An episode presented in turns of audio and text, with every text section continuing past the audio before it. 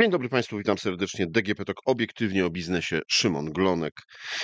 Gospodarka to nie tylko niskie wskaźniki bezrobocia, e, wysokie PKB, niska inflacja, chociaż o niej na razie to chyba możemy mówić e, życzeniowo, ale to także wskaźniki dotyczące tego, ile firm powstaje, a ile firm się zamyka, ile firm bankrutuje, czy jest niewypłacalnych, a ile firm e, w terminie reguluje swoje zobowiązania. I dzisiaj właśnie o tym wskaźniku e, porozmawiam z panem Grzegorzem Sielewiczem, głównym ekonomistą KOFAS w Polsce.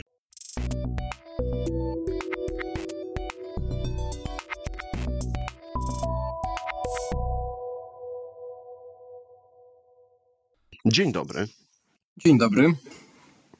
Przygotowaliście Państwo taki raport y, za pierwsze półrocze 2023 roku, e, w którym właśnie podajecie, jak wygląda sytuacja wśród polskich przedsiębiorców, wśród polskich firm i tych mniejszych, i tych dużych, e, jeśli chodzi o niewypłacalność, jeśli chodzi o kłopoty z regulowaniem swoich e, zobowiązań, no i jeśli chodzi o bankructwa.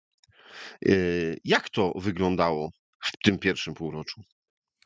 Pierwsze półrocze tego roku, no niestety należy podsumować, że było dosyć niepokojące, jeżeli chodzi o liczbę niewypłacalności przedsiębiorstw. E, w ujęciu rok do roku nastąpił bardzo duży wzrost, aż o 142%. E, natomiast e, zazwyczaj w naszych raportach posługujemy się właśnie takim ujęciem, spojrzeniem do mm, poprzedniego, analogicznego okresu roku ubiegłego. Natomiast tym razem bardziej tutaj dane mm, uwypukliliśmy, położyliśmy większy nacisk na porównanie z poprzednim półroczem, czyli z tym drugim półroczem 2022 roku. E, było to spowodowane tym, że rok temu, czyli e, na początku, w zasadzie głównie na początku, w zasadzie był to cała, była to cała pierwsza połowa 2022 roku, e, mieliśmy wprowadzony mm, taki no, krajowy rejestr zadłużonych, a w zasadzie jego część, która jest onlineowa. Na początku były dosyć duże problemy techniczne z wprowadzaniem e, różnego rodzaju postępowań właśnie do KRZ-u i to spowodowało ten aspekt techniczny, że mieliśmy zaniżoną bazę, właśnie zaniżoną bazę pierwszą połowę 2022 2022 roku. Także to porównanie rok do roku e, przy analizie miało, mogłoby tutaj e, nie być rzetelne. Dlatego, tak jak wspomniałem, zdecydowaliśmy się również porównać e, pierwsze półrocze 2023 do drugiego półrocza 2022. I mimo, że w tych okresach już sytuacja z, ta techniczna z KRZ-em była uspokojona, to widać, że jednak mieliśmy także w tym okresie dosyć dynamiczny wzrost, ponieważ wzrost ogółem liczby niewypłacalności był aż o 48%, czyli e, nadal dosyć duża liczba. E, tutaj Pan wspomniał o niewypłacalnościach, o tym, że firmy e, są niewypłacalne, są bankrutują. Ja myślę, że mm, na potrzeby naszej dzisiejszej rozmowy pozwolę sobie przypomnieć, że mamy różne rodzaje niewypłacalności. Wcześniej niewypłacalność przedsiębiorstw zazwyczaj kojarzyliśmy z jej upadłością.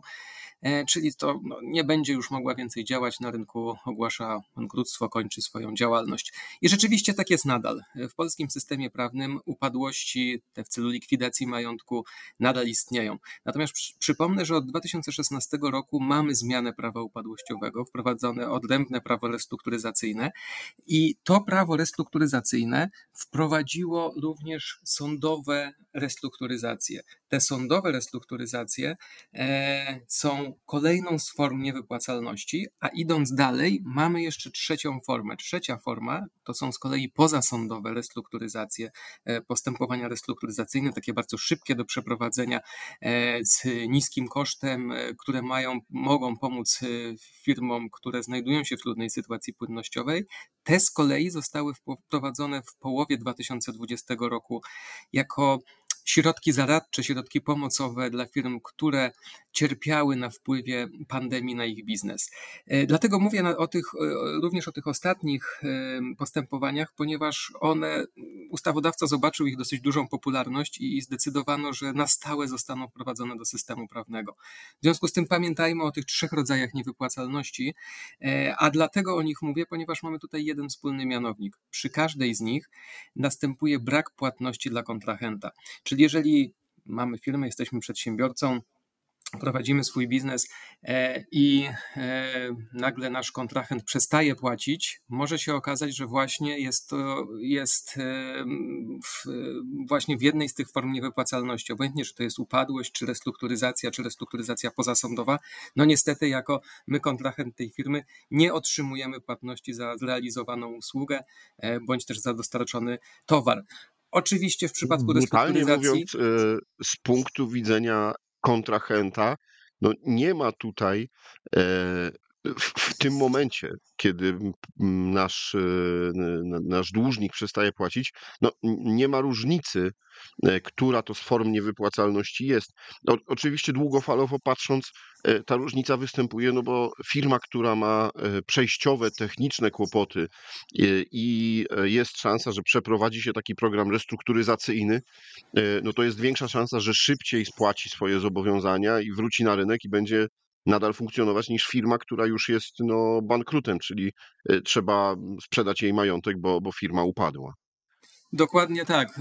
No właśnie, krótkoterminowo, mm, jeżeli nasz kontrahent jest objęty jednym z tych postępowań, nie ma to dla nas dosyć istotnego znaczenia. Po prostu nie otrzymujemy należnych nam środków pieniężnych. Natomiast długofalowo, e, długookresowo tak. E, tutaj jest nadzieja, że przy objęciu restrukturyzacją e, firma wyjdzie z tych problemów, z tych trudności płynnościowych, z jakimi obecnie się boryka i przyniesie to poprawę, powróci ona do efektywnej działalności biznesowej. Natomiast szczerze szczerze mówiąc, y, my analizujemy oczywiście te, te dane od wielu lat, y, w tym także od kiedy postępowania restrukturyzacyjne, zarówno sądowe, jak i pozasądowe, zostały wprowadzone. No i niestety muszę przyznać, że w wielu przypadkach widzimy, że jest to po prostu na takie kupowanie czasu. E, niektóre z firm widzą, że już są na tyle trudnej sytuacji płynnościowej, e, że bardzo ciężko będzie im się podnieść, że bardzo ciężko będzie im wrócić właśnie do, do prowadzenia efektywnej działalności biznesowej, a mimo to e, nie występują o upadłość, tylko no właśnie jeszcze, jeszcze kupują ten czas, jeszcze próbują e, rozwlec ten, ten proces e, i, i to jest niestety nie taki mały procent wszystkich postępowań. Natomiast ogólnie oceniłbym te zmiany, które zostały wprowadzone na przestrzeni ostatnich tak jako bardzo pozytywne, ponieważ wreszcie mamy nie tylko upadłości, ale mamy też środki zaradcze, środki takie, które mogą właśnie pomóc firmom i które pozwolą, że jednak one powrócą do biznesu. Wchodzimy w głąb tego raportu. Jeśli przypatrujemy się temu, e, jak poszczególne branże, jak poszczególne działy gospodarki wyglądają, e, no to e, które firmy, z których branż ma, miały w pierwszym półroczu 2023 najtrudniej, e, które najwięcej ogłosiło, czy też tych programów restrukturyzacyjnych, czy po prostu upadłości? No niestety takich firm, e, patrząc w ujęciu branżowym, było bardzo dużo, było bardzo wiele. E, niewiele tutaj mamy branż, które zostały oszczędzone, jeżeli chodzi o wzrost niewypłacalności przedsiębiorstw w Polsce. Przede wszystkim na pierwszym miejscu zwróciłbym uwagę na te firmy, które są ofiarami e, tego, co w zasadzie nastąpiło na przestrzeni ostatniego ponad roku, e, czyli istotnego wzrostu cen surowców. Mamy bardzo duże wzrosty, jeżeli chodzi o branże takie jak produkcja wyrobów z drewna, e, produkcja wyrobów z metali. Tam widać, że oczywiście, jeżeli mówimy o, o producentach samych tych surowców, to w wielu przypadkach była możliwość na tym, aby, aby reagować, aby odpowiednio dostosować ceny i, i w zasadzie nie być stratnym. Natomiast również w tych branżach mamy wiele firm, które po prostu musiały kupować i muszą nadal kupować te surowce do e, dalszej produkcji. E, I tak duży wzrost kosztów, jaki nastąpił, a przecież pamiętajmy, że to nie tylko wzrost samych surowców używanych do produkcji, ale także kosztów energii, e, kosztów wynagrodzeń, wielu, wielu innych aspektów, które przyczyniły się do wyższych, wyższych kosztów działalności, ogólnej działalności operacyjnej e, przedsiębiorstw, e, to właśnie spowodowało, że, że te firmy obecnie znajdują się no dosyć często są reprezentowane e, w statystykach upadłościowych.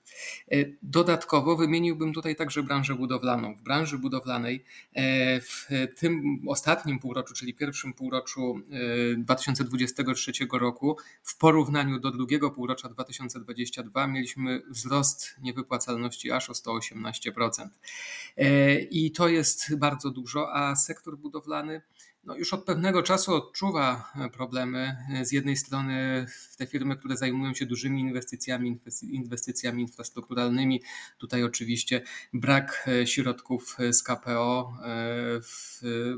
ma dosyć istotny wpływ, ponieważ to mogłoby sprawić, że mielibyśmy, tak kolokwialnie mówiąc, rozkręcenie inwestycji infrastrukturalnych na to, zresztą oczekiwaliśmy. Nadal jest to nasz scenariusz bazowy, że te środki e, wpłyną w końcu do Polski, no ale jednak jak na razie widzimy, że są dosyć duże e, opóźnienia. Dodatkowo w branży budowlanej oczywiście mieliśmy ten wspomniany już wcześniej wzrost e, cen surowców, nie tylko surowców, wielu e, komponentów, części, materiałów używanych w branży budowlanej i nie w każdym przypadku udało to się przenieść na finalnego odbiorcę. W związku z tym również firmy budowlane musiały ponosić te koszty. Dodatkowo braki kadrowe. Braki kadrowe, które już od dawna są obecne w branży budowlanej. Gdy wybuchła wojna w Ukrainie, one jeszcze zostały spotęgowane, bo okazało się, że e, wielu pracowników z Ukrainy, które właśnie pracowało w sektorze budowlanym, w zasadzie z dnia na dzień e, musiało chciało porzucić pracę i zasiliło tamtejszą armię. E, I to był też taki kolejny czynnik, i nadal widzimy, że te braki kardowe są bardzo istotnym czynnikiem ograniczającym działalność firm budowlanych. I w ostatnim czasie dodałbym jeszcze jeden czynnik, jeżeli chodzi o budownictwo Wcześniej, te poprzednie lata, e, mogliśmy chociaż bardziej przychylnym okiem spojrzeć na e, segment budownictwa mieszkaniowego, segment deweloperski. Widzieliśmy, że ten popyt był duży, zresztą ceny w ślad za tym istotnie rosły. E, no ale przy tak dużym wzroście stóp procentowych, przy ogólnej niepewności, e, jakie mamy, widzimy już ostatnie wskaźniki płynące z e, właśnie mm, tego segmentu budownictwa mieszkaniowego są słabsze.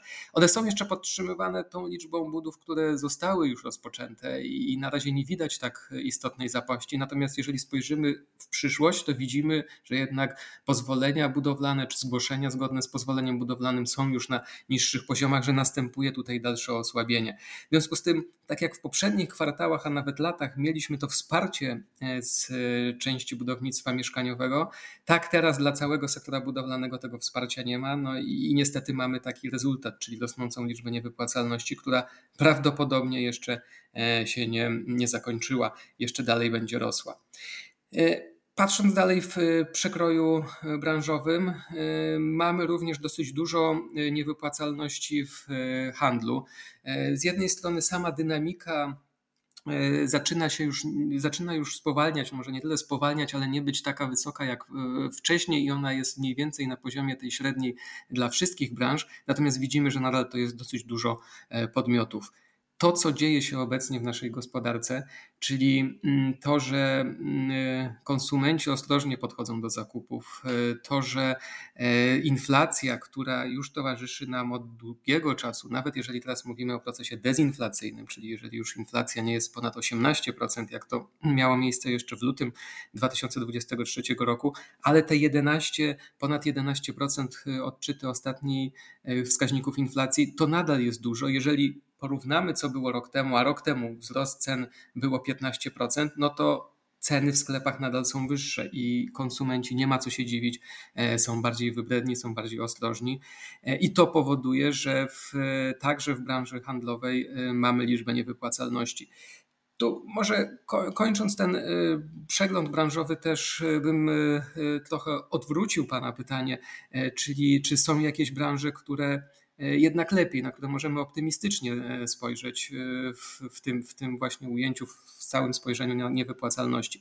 Oczywiście nawet zostając w handlu, czy, czy, czy w samym tych sektorach, branżach, które głównie działają właśnie w oparciu o, o popyt konsumencki, E, no, dla niektórych firm jest tu rzeczywiście szansa, ponieważ konsumenci, tak jak wspomniałem, zmieniają swoje preferencje zakupowe, e, wybierają często tańsze zamienniki wcześniej e, kupowanych dóbr, zwłaszcza to są jednak artykuły spożywcze, jeżeli chodzi o te branże, które zajmują się dobrami trwałymi, czyli na przykład sprzedaż elektroniki, tu nadal widzimy dosyć duże spadki i także rosnącą liczbę niewypłacalności. Natomiast przy tych dobrach codziennej potrzeby dla niektórych firm, tych, które się specjalizują właśnie w tych tańszych zamiennikach, może rzeczywiście być to szansa i w zasadzie już jest, ponieważ widzimy, że przy produkcji artykułów spożywczych i napojów tutaj właśnie w pierwszej połowie 2023 roku w porównaniu z drugą połową 2022 odnotowaliśmy spadek liczby niewypłacalności, co prawda zaledwie o 7%,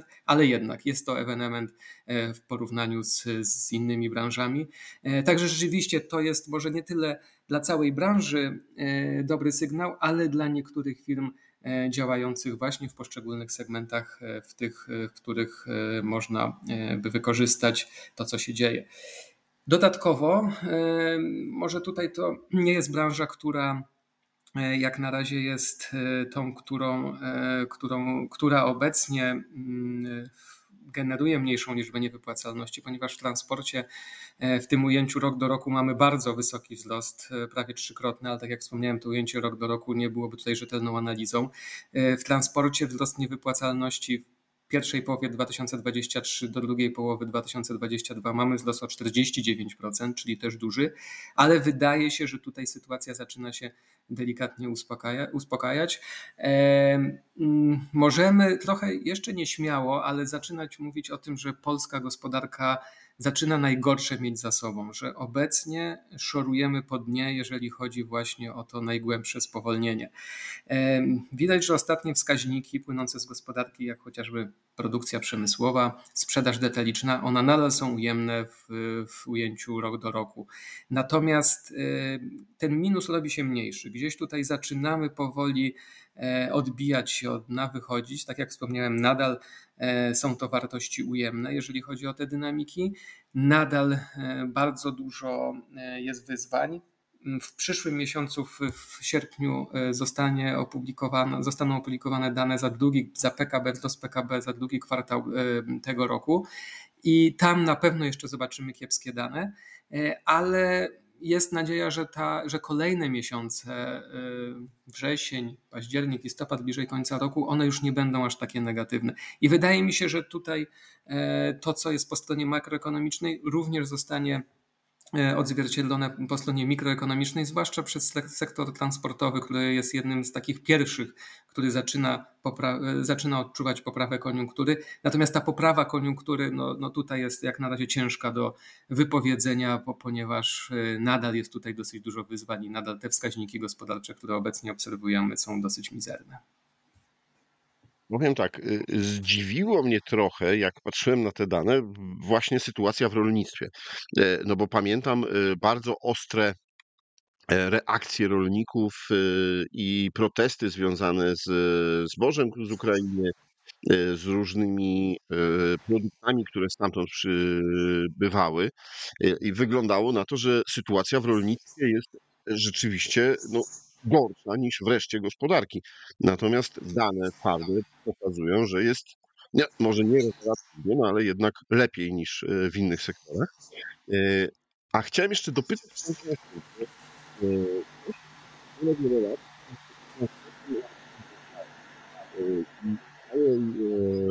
w Europie nasze firmy transportowe były znane, były obecne, obsługiwały bardzo wiele e, tras, jeśli chodzi o przewóz międzynarodowy wschód-zachód, północ-południe.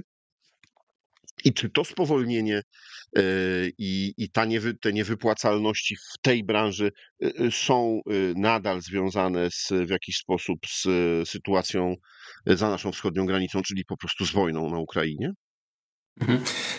E, tak, zaczynając od branży rolniczej. Rzeczywiście rolnictwo obecnie w statystykach niewypłacalności już nie jest tak e, szeroko reprezentowane jak poprzednio. I to jest też powód, dlaczego nie widzimy obecnie tak dużych wzrostów. E, wcześniej ułatwiono właśnie przedsiębiorstwom rolniczym, gospodarstwom rolniczym ogłaszanie niewypłacalności. I to spowodowało taki no, dosyć duży wysyp niewypłacalności w latach poprzednich, w związku z tym mamy dosyć wysoką bazę odniesienia.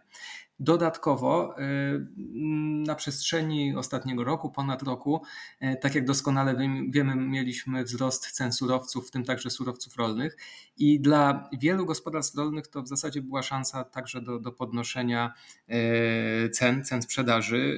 Czasami nawet te marże były wyższe niż wynikało to ze wzrostu cen surowców. E, natomiast no, wydaje się, że niestety ten czas e, się skończył. Mamy, tak jak Pan wspomniał, e, także napływ zboża, chociażby z innych kierunków z Ukrainy. I, i widzimy też ostatnie protesty rolników, gdzie Ceny w skupach e, są dla nich nieopłacalne, jeżeli chodzi o, o poszczególne e, działy produkcji rolnej, poszczególne, poszczególne produkty. E, i, I, rzeczywiście e, to jest niepokojące i wydaje się, że, że niestety to, to, co jest w sektorze e, rolnictwa, branży rolniczej najlepsze już jest za nami, że tutaj będziemy widzieli wzrost liczby niewypłacalności w związku z tą sytuacją. A przypomnę, że no niewiele branż jest takich, które od razu reagują rosnącą liczbą niewypłacalności. Wiele firm oczywiście próbuje e, najpierw e, zaradzić sobie e, bez działań, nawet tych działań restrukturyzacyjnych, sądowych, pozasądowych, zanim wkroczy na tą drogę. W związku z tym widzimy to z pewnym opóźnieniem, ale wydaje mi się, że w branży rolnej, no niestety za kilka miesięcy będziemy już widzieć rosnącą liczbę niewypłacalności. Odnośnie branży transportowej, rzeczywiście to jest bardzo dobre spostrzeżenie, to co dzieje się na rynkach zewnętrznych, ponieważ Polska nadal jest bardzo istotnym graczem, jeżeli chodzi zwłaszcza o transport drogowy e, na rynkach Unii Europejskiej, ale nie tylko Unii Europejskiej, ponieważ wcześniej, jeszcze przed wybuchem wojny w Ukrainie, też intensywnie e, firmy transportowe działały na rynkach e, wschodnich. I tak, z jednej strony, jeżeli chodzi tutaj o Europę Zachodnią, e, to nie tylko to spowolnienie, ponieważ e, szczerze mówiąc, to nawet bardziej obawiam się o spowolnienie, o to, co się dzieje, o recesję e, w Europie Zachodniej, u naszego głównego partnera handlowego, czyli w Niemczech, niż u nas, ponieważ u nas widać, że już te wskaźniki jakoś delikatnie, tak jak wspomniałem, zaczynają się podnosić. Nadal jesteśmy bardzo konkurencyjni. Natomiast to, co dzieje się właśnie w Europie Zachodniej, na rynkach zagranicznych, może niestety rykoszetem odbić się u nas i, i spowodować e, taką zadyszkę także e, krajowej gospodarki ze względu na to, że mm, są to no, e, jest tutaj wiele, dosyć dużo powiązań. Pamiętajmy także, że w Europie Zachodniej wprowadzono, no nie, nie bójmy się tego nazwać po imieniu, czyli działania protekcjonistyczne e, zmierzające w polskich przewoźników, e, jeżeli chodzi o transport drogowy, czyli, czyli właśnie e, coraz kolejny raz zacieśnianie, zacieśnianie tych regulacji, które powodują, że E, polscy przewoźnicy, ale nie tylko polscy, także z innych krajów Europy Środkowo-Wschodniej, które wcześniej aktywnie działały na tamtych rynkach, e, no niestety nie mogą mieć już takiej dosyć dużej e, siły przewagi konkurencyjnej właśnie ze względu na wprowadzone rozwiązania.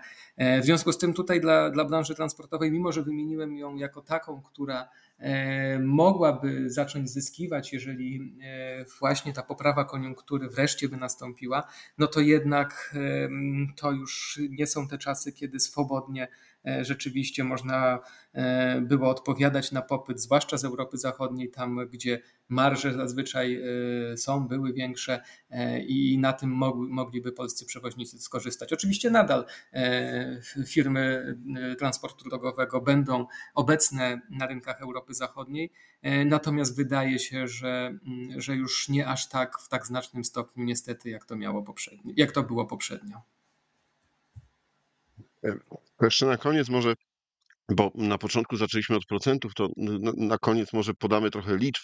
E, od stycznia do czerwca niewypłacalność ogłosiło 2528 firm, e, a w 2023 roku, e, a w całym 2022 2752 czy szykuje nam się rekord, taki, e, taki ogromny rekord, czy przyszłe półrocze e, to będzie kolejne dwa czy dwa i pół tysiąca firm, które ogłosi niewypłacalność, czy jednak będzie e, no, mniej tych, tych firm, tych branż, w których tak, takie niewypłacalności będą? Niestety wszystko na to wskazuje, że będziemy mieć rekord. Tak jak Pan wspomniał, obecnie już po pierwszym półroczu mamy niemalże zbliżoną liczbę niewypłacalności przedsiębiorstw w Polsce do tej, którą odnotowaliśmy w całym 2022. Przy nadal dosyć dużych wyzwaniach, e, przy nawet e, nadziei na poprawie koniunktury, która będzie w e, tych kolejnych, ostatnich miesiącach 2023 roku. Wiele tutaj e, ta sytuacja nie zmieni. E, pamiętajmy także, że właśnie niewypłacalności przedsiębiorstw, one są odnotowywane z pewnym opóźnieniem. Tak jak wspomniałem już wcześniej, wiele firm stara się działać, stara się uniknąć niewypłacalności, e, zarówno upadłości w celu likwidacji majątku, jak i działań restrukturyzacyjnych i jeszcze próbuje sobie radzić. To już wcześniej zauważaliśmy, że gdy mieliśmy trudniejsze lata, lata kryzysu, kryzysowe, e, to także później widzieliśmy, że liczba niewypłacalności jeszcze dosyć e, była długo na wysokim poziomie, ponieważ właśnie wiele firm e, dopiero po pewnym czasie wpadało w, właśnie w, w niewypłacalność. I wydaje mi się, że podobnie będzie również tym razem. Co więcej, patrząc tutaj strukturę niewypłacalności przedsiębiorstw, widzimy pewne zmiany. Wspomniałem o tych e, trzech rodzajach, czyli upadłość, ta tak zwana wcześniej upadłość w celu likwidacji majątku, e, działania sądowe, restrukturyzacyjne oraz postępowania pozasądowe. I tak jak e, jeszcze w poprzednich naszych raportach, gdy obserwowaliśmy dane za poprzednie lata, widzieliśmy, że liczba upadłości przedsiębiorstw zmniejsza się. Zresztą to nie było nic dziwnego nawet chociażby w 2022 roku, ponieważ pamiętamy doskonale, że jak dużo działań pomocowych zostało wprowadzonych. Oczywiście mieliśmy też przez pewien czas memorandum na ogłoszenie e, upadłości e, i to sprawiło, że te liczby były mniejsze. Natomiast w tym ostatnim raporcie, czyli danych za pierwsze półrocze 2023 widzimy zmianę. Widzimy, że liczba upadłości w celu likwidacji majątku e, rośnie. To są rzeczywiście te pierwsze dane od kilku lat, kiedy, kiedy ten najbardziej dotkliwy sposób, rodzaj niewypłacalności przedsiębiorstw zaczyna nabierać na sile. Wzrost w pierwszym półroczu o 24% w porównaniu z drugim półroczem 2022.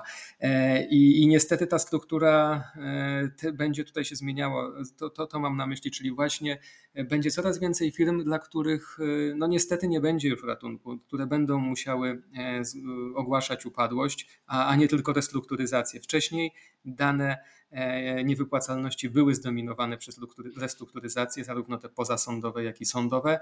Obecnie E, widzimy, że te udziały się już bardziej e, stabilizują, jeżeli chodzi o restrukturyzację, a, a rośnie właśnie liczba e, upadłości.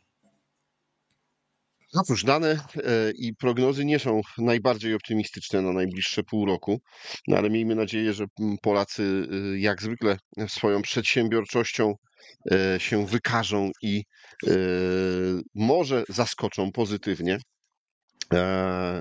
Uda nam się po raz kolejny ten kryzys przejść, no może już nie jako y, zielona wyspa, ale, ale nie tak strasznie czerwona jak inne kraje. E, dziękuję panu bardzo Jeśli... za e, jeśli tak. tylko mógłbym jeszcze tutaj, tutaj dodać, bo rzeczywiście e, nie dość, że optymistycznie Pan chce zakończyć naszą dzisiejszą rozmowę, co, co, co bardzo mnie cieszy, to, to jest bardzo dobra uwaga. Ponieważ rzeczywiście spoglądając na te poprzednie lata, lata kryzysowe, chociażby globalny kryzys finansowy 2008-2009 rok, pandemiczny rok 2020, tak, rzeczywiście wtedy odczuliśmy to, to spowolnienie, czy też tak jak w 2020 recesję, ale porównując y, na przykład dane, jeżeli chodzi o polską gospodarkę, z danymi z gospodarki niemieckiej, gospodarek Europy Zachodniej, to jednak u nas to tąpnięcie nie było aż tak silne. Pamiętajmy właśnie o tym, że polscy przedsiębiorcy potrafią działać także w warunkach kryzysowych, w warunkach spowolnienia, w warunkach recesji e, i wielokrotnie wykorzystują swoje przewagi. Nie tylko przewagi te e, kosztowe, czyli że u nas są e, niższe koszty pracy, niższe wynagrodzenia niż w Europie Zachodniej, ale także naszą konkurencyjność jakościową, to, e, że mogą właśnie zdobywać rynki. I to mi się wydaje, że przy tym ogólnym, dosyć negatywnym wydźwięku, obrazie, jeżeli chodzi o niewypłacalności, jest takim pozytywnym czynnikiem, e, który będzie wspierał jednak e, przedsiębiorstwa w Polsce.